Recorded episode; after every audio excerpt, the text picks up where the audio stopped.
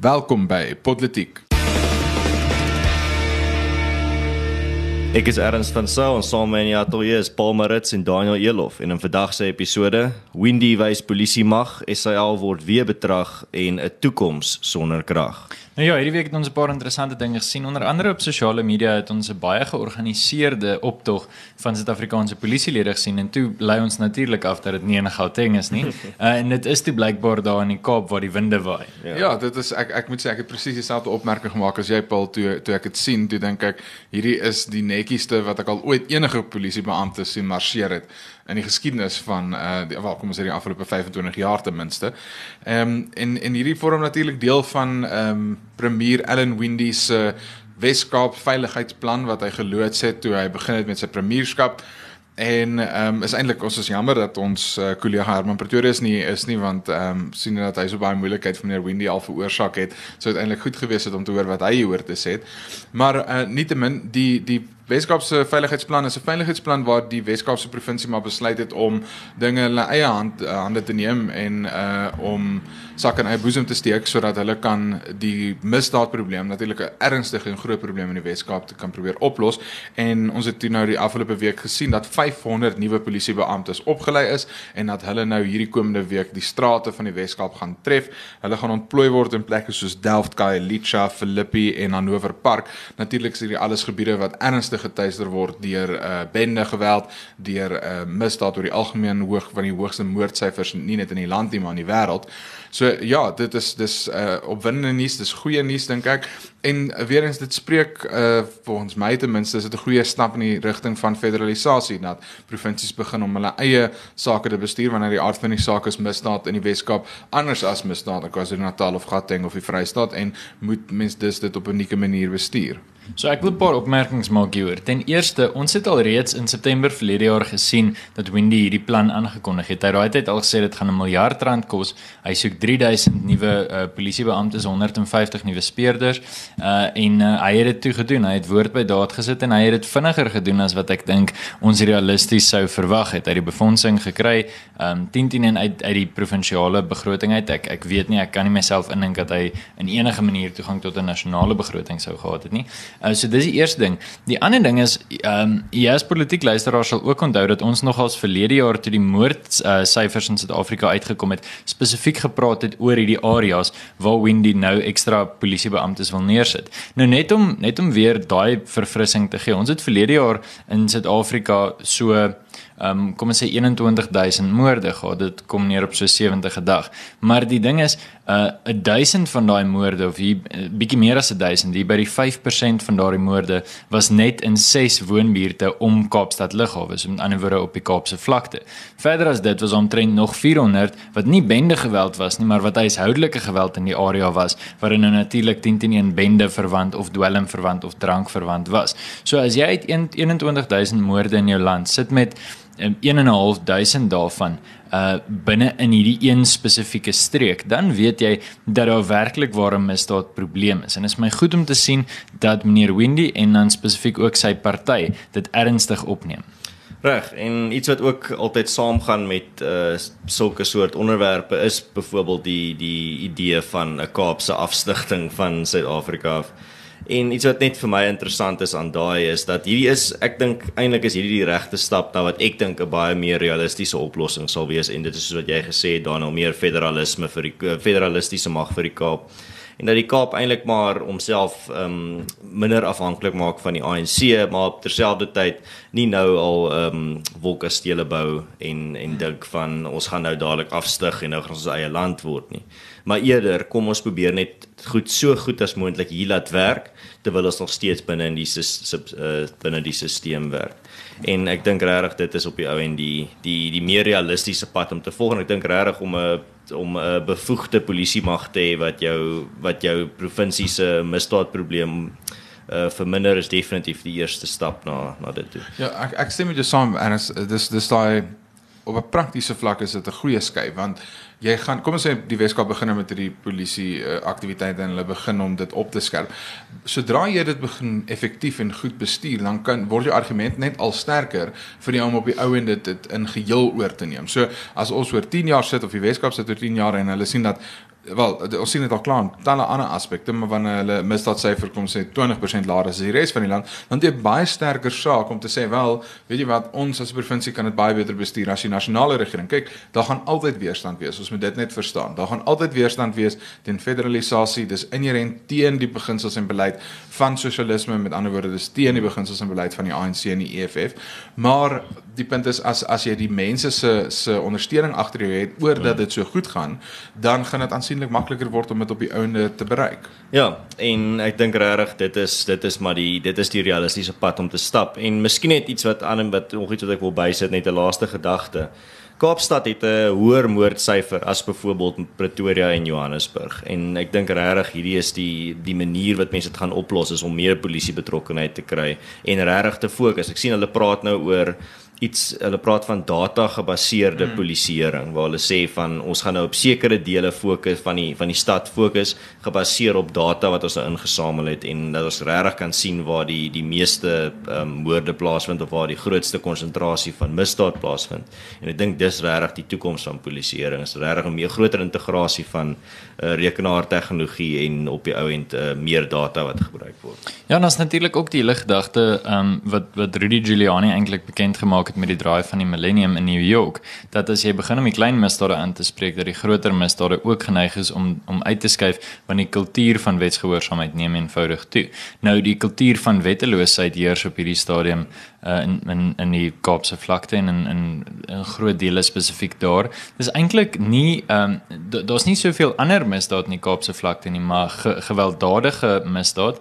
Ehm um, soos soos moord natuurlik en en bende geweld en wat daarmee saamgaan natuurlik motorkapings en so aan dwelmhandel dit alles uh, vier hoog gety. So wat 'n mens tog kan sê is soveel as wat dit 'n groot probleem is, is daar ten minste een probleem en Wendy weet wat hy moet aanspreek. Waar ek dink as jy moet begin om 'n uh, heelbrau aan te spreek byvoorbeeld dan kan jy nie 'n taktiese of 'n statistiese benadering hê nie, jy moet maar eintlik alles aanspreek.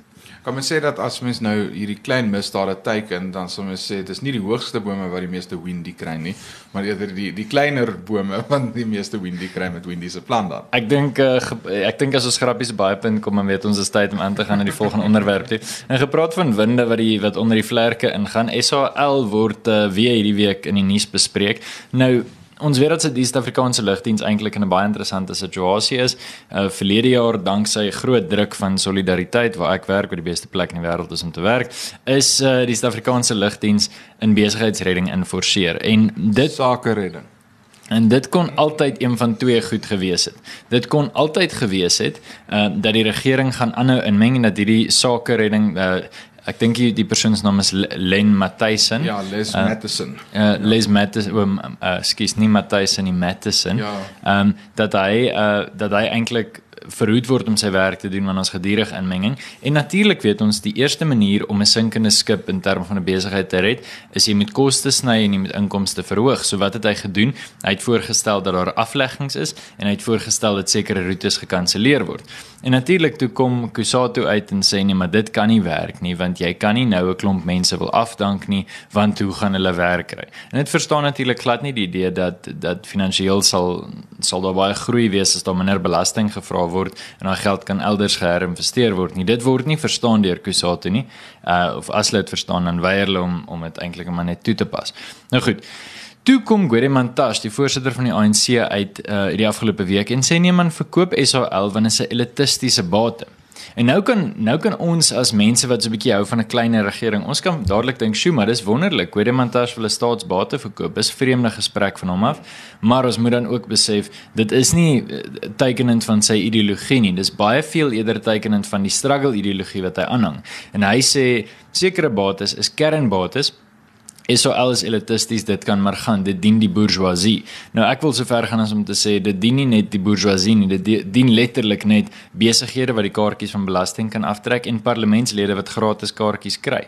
Hoekom sal enige van ons SOL vlieg? Hoekom sal jy onder net om 'n voorbeeld te noem, om Kaap toe te vlieg op SOL gaan jou nou 2300, 2400 rand kos, waar jy met Airlink of met Kulula of so kan wegkom, tasse ingesluit vir 1700, 1800 rand. So dis letterlik net die mense wat dit op een of ander manier gaan kan terugeis wat SAL sal vlieg. Dis onder geen omstandighede, dit is mm. miskien vir een uit elke 10 roetes die goedkoper opsie. Mm.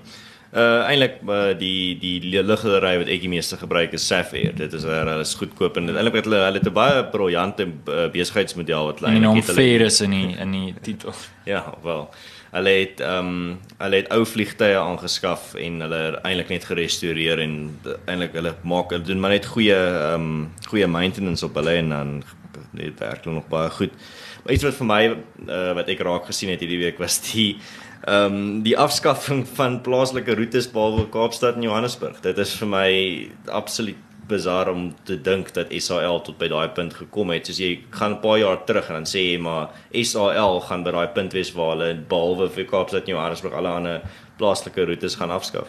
Dis vir my en as ek kom maar foto's uit Ek kom maar foto's uit van mense wat op SAL vlugte sit met leë sitplekke. Dan sit hulle daar en daar's niemand nie. Die die dis dit's letterlik 'n spookvliegtuig wat vlieg maar hulle moet aanhou vlieg want dit is dit's wat mense doen. En ek dink vir die eerste keer uiteindelik sien ons wat wel moet gebeur. Dit is dit daar moet leefvlugte wees en roetes moet gekanselleer word en mense moet afgedank word. En uiteindelik vir die eerste keer in na hoeveel jaar ehm um, sien ons 'n stap in die regte rigting en en ek dink wel jy jy spot nou oor of aan die spot nie mense sê om nie kies van solidariteit in die beste plek om by te werk. Maar die punt is ek dink baie krediet moet aan solidariteit hier gegee word wat nou al vir jare besig is om druk op SAL en die regering uit te oefen om SAL uit te sorteer lank voordat ons in hierdie gemors is waarsku solidariteit al dat ehm um, hierdie gemors op pad is. En uiteindelik het ons nou hierdie stap in die regte rigting gesien. Maar wat ek het vinnig aan wil raak is die die inherente ideologiese stryd oor SAL want hmm. kyk van van 'n solidariteit se kant af sou mense argumenteer dit gaan oor uh, jy weet 'n vrye markbenadering dat as die lugredery nie goed doen nie dan behoort hy Um, ja, en belastingvermorsing. Ja, belastingvermorsing. Ja. Dan dan behoort hy nie verder mee te vlieg nie. Maar eh, wat wat mense moet verstaan is SAL is vir die ANC 'n absolute simbool van sentrale mag. Dit gaan oor dat eh, elke groot en magtige en wonderlike staat en land het hulle eie verstaan lugdiens en ons behoort ook een te hê en dis amper as mense erken en as hulle erken dat hulle gefaal het in die bestuur van SAL dan erken hulle maar eintlik dat hulle faal in die bestuur van die land dat hulle val in in die die groot projek die nasionale demokratiese revolusie. En dis hoekom dit so moeilik is vir die ANC om te laat gaan.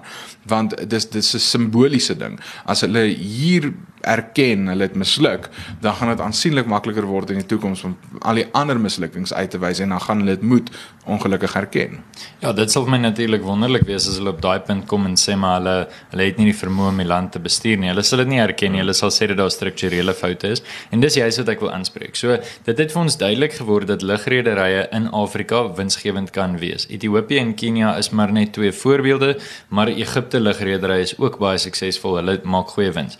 En ek weet dat aan die einde van 2019 was daar 'n gedagte op die tafel dat Ethiopië sekere dele van SAL se lugdiens nou sal oorneem. Maar as gevolg van die skuldlas kan hulle dit nie doen nie, want daar's al hierdie verskriklik baie skuld wat met waarborge van die regering afgegee is. So die regering kan nie regtig SAL verkoop nie. So hy sit in hierdie catch 22. En die die probleem is weer eens, jy sit met hierdie punt dat vakbonde veral sosialistiese vakbonde hmm. lamsakkig die die die land lam lê. Ons kan nêrens uitkom nie want die oomblik wat jy iemand moet aflê, wat baie keer van tyd tot tyd moet gebeur. Ek meen selfs die beste ekonomiese lande moet van tyd tot tyd mense aflê. Maar die oomblik wat jy mense wil aflê, dan kry jy hierdie gewelddadige stakings. Uh, en dit maak dit verskriklik onaangenaam en dit maak natuurlik dat internasionale beleggers nie wil inklim in Suid-Afrika nie. So, ek dink Cyril Ramaphosa vir al sy ervaring in besigheid, dink ek dis sy vakbond ervaring wat bietjie na vore moet kom. Hy gaan so bietjie vir ons moet wys dat hy die vakbonde in die bek kan druk want as hy nie kan nie, gaan hy die land verloor as hy nie alreeds het nie. Mm. En uh, gepraat nou van ehm um, men vakbonde wat te veel mag het en eintlik die regte probleme wat ons in die Oos-Staar wat net nie aangespreek word nie. Ehm um, ons het nou ook hierdie week of laasweek gehoor dat by Eskom dat die probleem is geïdentifiseer. Daar is 16000 te veel men, uh, mense wat werk by Eskom, maar die regering het dadelik ingespring en gesê ons gaan nie aan hulle raak nie. So uh, op die ou end hoe hoe uh graag wil die regering regtig die probleem oplos? Is as die oplossing vir hulle op 'n uh, goue bord gebring word en hulle sê nee, dankie. En dan 'n ander nuus wat ook saam met Eskom gaan is Kusatu het uh voorgestel om die regeringspensioenfonde en ontwikkelingsbank finansiering te gebruik om die skuld van Eskom in die helfte te sny. En hierdie idee kry eintlik baie traksie. Dit het um voorwaardelike goedkeuring van die president gekry en die regering en ook verrassend 'n uh, bietjie steun van die sakewêreld ook gekry. Paul, ek sien julle is uh, hard aan die werk daarso in die nuus. Ja, goed so. Ehm um, kom ons kyk net 'n bietjie die feite. Daar lê 'n pool van 2000 miljard rand uh wat wat die nasionale pensioen eintlik maar befonds. So dit is jou jou onderwysers en jou staatsdienspersoneel se pensioen wat in 'n pool lê.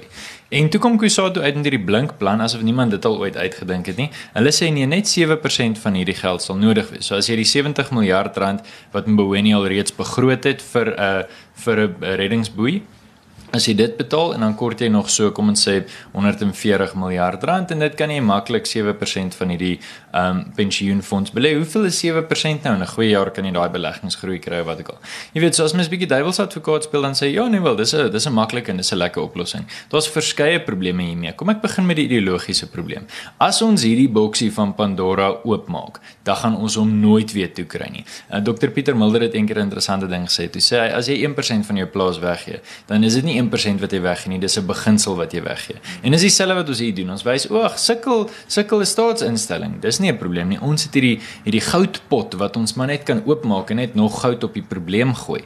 En dit is 'n bitterlik gevaarlike ding om te doen. Ten tweede, 7% is nie min nie. Moenie relativeer en sê maar wat is 7 uit 100 nou nie. Dis 'n 140 miljard rand wat mense oor 35, 40 jaar van hulle loopbane opgebou het. Dit het nie daar gekom as gevolg van iemand wat dit nou net uit die lug uit laat val het nie. Dit is geld wat mense maandeliks weggesit het om eendag te kan aftree. Dis 'n baie baie hoë risiko om jou om jou mense, jou kwesbare mense se toekoms op dië manier bloot te stel. So baie gevaarlike ideologie en wat praktyk betref, nie so eenvoudig soos maar net geldjies onttrek en oorplaas nie.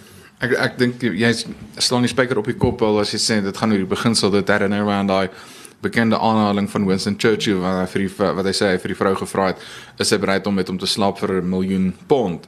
En sy sê ja nee dis dis reg. En toe sê hy en en vir 5 pond? Sê sy wat so 'n soort vrou dink jy is ek? Toe sê ek wil ons dit klaar vasgestel wat so 'n soort vrou jy is. Ons is nou net besig om te stry oor die prys.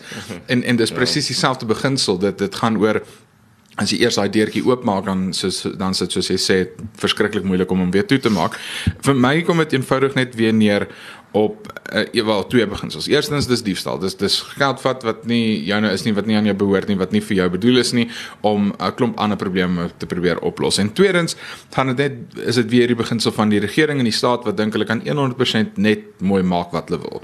Hulle kan hulle kan hierdie geld vat, maak nie saak of dit reg of verkeerd is nie, want hulle het hierdie hierdie beter doel, hierdie hierdie hoër doel wat hulle daarmee wat hulle wat hulle daarmee wil maak en wat hulle wil bereik. En en en dis presies dieselfde wat ons sien met grondonteiening is presies dieselfde wat ons sien met die NGV dis dieselfde wat ons sien met voorgeskrewe bates. Dis alles 'n staat wat dink hulle kan dinge beter doen as die mense 'n staat wat dink hulle moet daar hulle moet sorg vir uh, elke liewe mens deur absoluut uh, eintlik maar net autokraties te wees. En dis 'n tipiese en 'n kenmerkende eienskap van sosialisme en en 'n is statisme En uh dis hartseer dat ons op hierdie punt gekom het dat ons enigstens hierdie gesprek moet hê. Ehm um, weer eens as ons dieselfde groei koers gesien het wat ons gesien het vanaf 1996 tot omtrent 2005, 2006 dan het ons nou nie die gesprek gehad nie want armoede sou minder gewees het, werkloosheid sou laer gewees het, misdaad dink ek sou aansienlik laer gewees het as gevolg van die ekonomiese uh, geleenthede wat daar sou wees.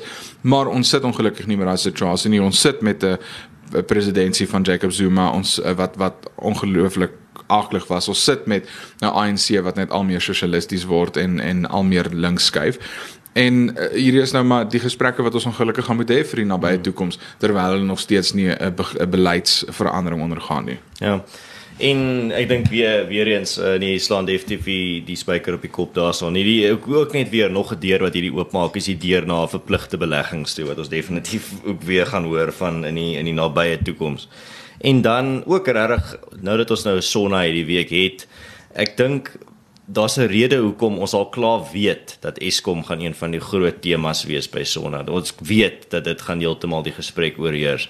Want soos ons nou vroeër gesê het, um, SAL is nou dalk nie so 'n uh, integrale deel van die die staat se se sentralisasie projek nie. Hulle kan maar vir SAL verloor maar die ANC kan nie bekostig om vir Eskom te verloor nie. Eskom is die groot diamant in die middel van hulle kroon. Hierdie is absoluut die die staat ehm um, die staat die uh, staatsbesigheid wat hulle nie kan absoluut nie hulle vingers van afkry nie want hierdie is hulle beheer oor die land se kragvoorsiening.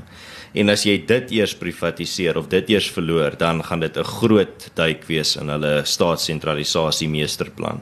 So jy sal sien hierso sal hulle eintlik bereid wees om enigiets te probeer om dit aan die gang te hou en nie te laat privatiseer nie. Hier gaan as die probleme by Eskom aanhou soos wat dit doen, gaan ons al hoe meer bizar en belaglike oplossings van die ANC af hoor want hulle sal letterlik enige iets uh, oorweeg om hulle mag oor die oor Eskom te behou. Selfs die goed wat vir die gewone ou nou absurd klink, gaan miskien in die toekoms uh, ernstig oorweeg word in parlement. So net 'n laaste gedagte vir my op hierdie punt. Ehm um, ek het onlangs 'n gesprek gehad met professor Koos Malan van die Universiteit van Pretoria en dit het baie interessante ding gesê. Toe sê hy daar waar die staat nog mag uitoefen is as ons daarna kyk, is sagte teikens. Ehm um, jou persoonlike veiligheid as iemand by jou huis inbreek dan bel jy nie die polisie nie jy bel jou sekuriteitverskaffer. As jy 'n uh, 'n uh, 'n fout kry uh, met ag wel kom ons dink aan aan aan enigiets as infrastruktuur breek in Suid-Afrika, jy het 'n slaggat of 'n ligwerk, nie dan kontak jy jou Afriforum tak. Jy weet as jy 'n uh, probleem by die werk het, dan gaan rapporteer jy dit nie by die departement van arbeid nie, jy gaan nie jou vakbond toe. En wel goed baie vakbonde beweeg baie naby aan die regering, dit is so. Maar ehm um, die die punt is dat soveel as wat die regering homself baie groot maak, is hy nie baie sterk nie. En my vraag bly, wat gaan hulle doen as as daar meer en meer onafhanklike kragvoorsiening kom. Ons weet nou dat hierdie week het Godemantage gesê ja, maar van die mynbougroepe kan nou hulle eie krag begin voorsien, um, maar hulle mag dit nie verkoop nie. En dit is natuurlik simpel want as hulle krag kon terugverkoop aan die stelsel, sou dit beteken het dat dat ons baie maklik uh, load shedding kan oplos, dat ons beerdkrag kan wegvat. Jy laat vir Sibanye toe om 'n om hulle eie privaat krag op te wek daar in Carletonville en dan kan hulle van daar af net in Potchefstroom insink en in Klerksdorp insink en jy hoef nie al die pad van Sasolburg af krag soontoe te stuur nie, jy kan al daai krag net Johannesburg toe stuur. Dis nie moeilik nie, maar dis soos jy sê erns, dis 'n saak van trots. Nou ja, gepraat van 'n saak van trots. Ons kom miskien so 'n bietjie by uh by dit wat in Amerika aangegaan het in ons internasionale segment. Nou ek weet julle twee is baie belese op die internasionale front. Wat ek wel weet is dat die Senaat nie met 2/3 besluit het om Donald Trump skuldig te bevind nie, maar dat Mitt Romney besluit het om teen sy party te stem en ek weet daar's baie ehm um, verskil hier en ek vermoed uh, julle twee gaan ook nie 100% mekaar saamstem oor hierdie saak nie. Daniel, hoe lyk dit vir jou? Wel, ek weet nou nie wat wat Ernst daar gaan sê nie. Wel, e-, eerstens, uh nie verbasend nie. Ons het geweet die Senaat gaan nie stem om Donald Trump te verwyder nie. Uh ons weet dit kom al vir maande. Hulle het gesloer in in die Kongres om om hierdie hierdie verhoor klaar te kry en toe het hulle sommer net so vinnig in die Senaat afgehandel, al die getuies aangehoor en en hulle stem gehou en toe is hy nou nie skuldig bevind nie. Ehm um, oor Mitt Romney spesifiek ek, ek weet dat almal nou te kere gaan oor die feit dat hy teen Donald Trump gestem het en hy wel gestem het om Donald Trump te verwyder. Ek dink regtig mense is besig om 'n 'n 'n berg van 'n muur so op te maak. En die rede hoekom ek so sê is vir jare wil ons hê dat politici moet stem volgens hulle gewete en hulle moet nie net gebind wees deur dit wat die party self sê nie en hulle moet stem soos wat hulle dink reg is. En Mitt Romney het eenvoudig dit gedoen. Dit in die eerste plek. En die tweede plek moet ons ook onthou. Hier het nie begin by Mitt Romney wat net ewe skielik besluit het ag ek gaan nou net weet bietjie lelik wees teenoor Donald Trump. Donald Trump is al van die begin van sy veldtog af uh, is hy besig om vir Mitrami te te go. Hy's besig om hom te kritiseer en en mens kan nie sê dat die eerste hou het nou van Ramni se kant af gekom nie. Dit is net eenvoudig nie. So nie hierdie is nou net 'n voortsetting van 'n lang 'n voortdurende stryd tussen die twee van hulle. So dit in die tweede plek. En dan in die derde plek. Mitrami is 'n persoon dink ek ten minste van baie hoë karakter.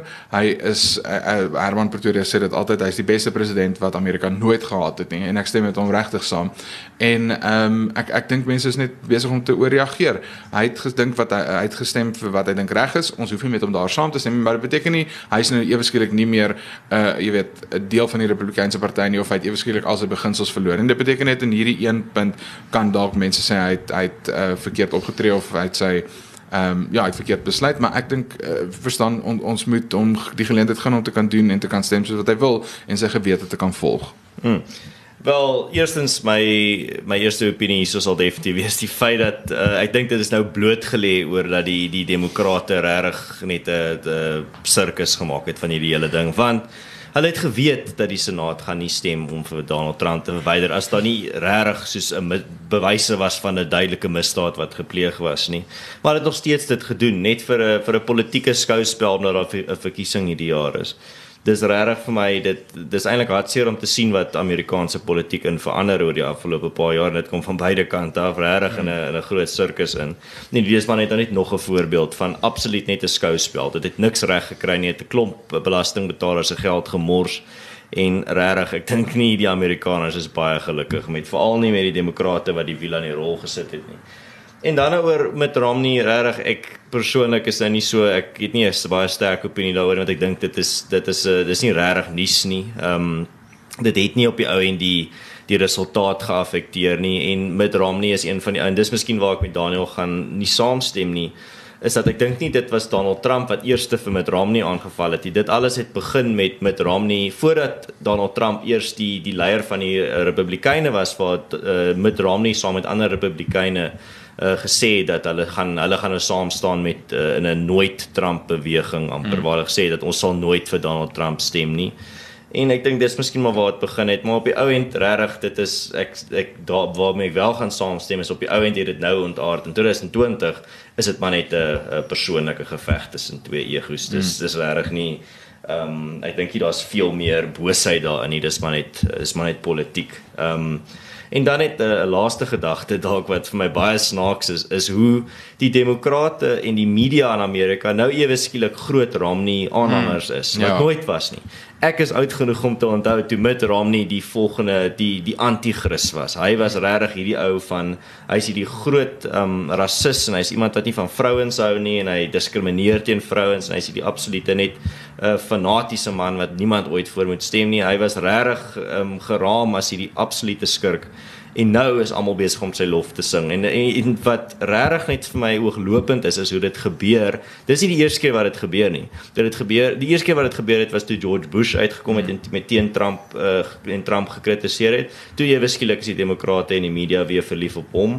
Dit het gebeur met uh, McCain dit met waar hy vir Donald Trump gekritiseer het en toe die held geraak het van die van die demokrate en die media. En dit het, het ook nou met John Bolton gebeur die absolute ou wat hulle as die gesig van die Irak oorlog uh, geraam het, is nou ewe skielik ook 'n held omdat hy in sy boek bietjie vir vir Trump sleg gesê het. So dit is net vir my regtig dit ek ek verstaan hoekom dit is maar die politieke spel maar op terselfdertyd regtig ouens ons ons geheue is nie so sleg dat ons nie kan onthou hmm. wat jy, die die absolute eintlik afskuwelike goed wat jy al van van hierdie mense gesê ja, het net 5 jaar terug daar al, al hierdie mense wat jy nou gelys het het hulle hanteer soos wat hulle Donald ja. Trump nou hanteer ja. maar net 'n paar jaar terug en ja. en dekade en so terug ja en dit wys miskien ietsie van daai skynheiligheid nou ja sal miskien nog bietjie uh, in die jaar tyd spandeer op die Amerikaanse verkiesing wat natuurlik nou ehm um, binnekort baie spoed gaan begin optel sodra die demokrate hulle kandidaat aanwys.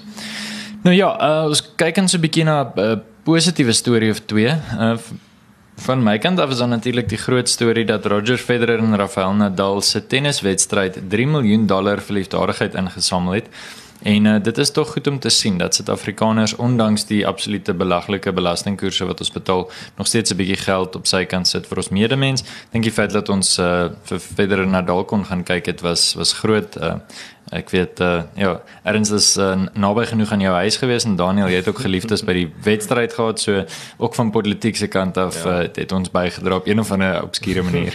ja, oral. Uh, iets wat ek nog of my 'n blink kan bo was, maar is regtig 'n baie klein dingetjies. Ook maar net Roger Federer wat laasweek gesê dat hy nou vir sy kinders Afrikaans leer. Ja. Ek dink dis nog al 'n baie oulike ding om te sê en ek dink regtig baie Afrikaanse mense in Suid-Afrika het dit nogal baie waardeer dat ons taal bietjie daar op die mm. op die wêreld uh, stage gesit word. 'n laaste blink aan bo van my kant af is eintlik so 'n bietjie 'n bittersoet blink aan bo en dit is die storie van Itumeleng Lekomanyane. Ek weet nie die, wie wie van julle het gesien die afgelope week op News24 nie, maar dis die verhaal van hierdie jong man wat op straat broodjies verkoop en hy maak nou 'n 20000 rand se salaris elke maand of wins elke maand. Daar by Standard Bank by die Rosebank ja, um, hy verkoop hy verkoop hierdie broodjies. En ehm um, dis dis 'n blink aan bo oor dit hierdie wonderlike verhaal is van 'n uh, persoon wat regtig uit sy omstandighede uitstyg, uh, nie bak aan staan en probeer uh, die regering kry om hom te help. Hy net besluit het ek gaan dit self doen want die regering is nie daar vir my nie. Die hartseer deel van die verhaal is natuurlik dat die Johannesburgse metropolisie toe net nadat dit toe 'n uh, uh, bekend geword het en die storie gebars het en mense so opgewonde was daaroor, het hulle toe besluit wel, weet jy wat, hy het nie nodige lisensies om die handel te dryf en hulle gaan hom nou gaan toemaak en weer eens dit wys net die absolute absurde aard van ehm um, ons regering en regulasies en hoe hulle besluit hulle mag inmeng waar ek dink hulle absoluut glad nie enigstens 'n mandaat het om in te meng nie. 'n Persoon kan vrylik broodjies verkoop net waar hulle wil. Ek gee nie om wat 'n plaaslike munisipaliteit of 'n owerheid sê nie. Ehm um, maar eh, die die tweede blinkkant is natuurlik toe hoe Suid-Afrikaners ter ondersteuning van Itumeleng uitgekom het en gesê het hoe belaglik dit is dat die polisie hom probeer toemaak het. En ehm um, weer eens ek dink dit is hopelik 'n verhaaltjie wat Suid-Afrikaners stelselmatig en stadig sal laat besef hierdie regering van ons is nie ons eie vriend nie en ons moet regtig begin om die regering se mag te beperk. Nou ja, soos Jacob Zuma se mediese fonds is hierdie episode vir eers nou leeggeloop. Ons nooi jou as luisteraar uit homself bietjie te nonsens die gesprek voor te sit in kommentaar afdeling. Ondersteun ons gerus op Patreon as jy hou van wat ons doen. Jy is ook welkom om ons resensie te los met jou klagtes en gedagtes op jou gunsteling platform en luister gerus na ons ander Pod Media uitsendings.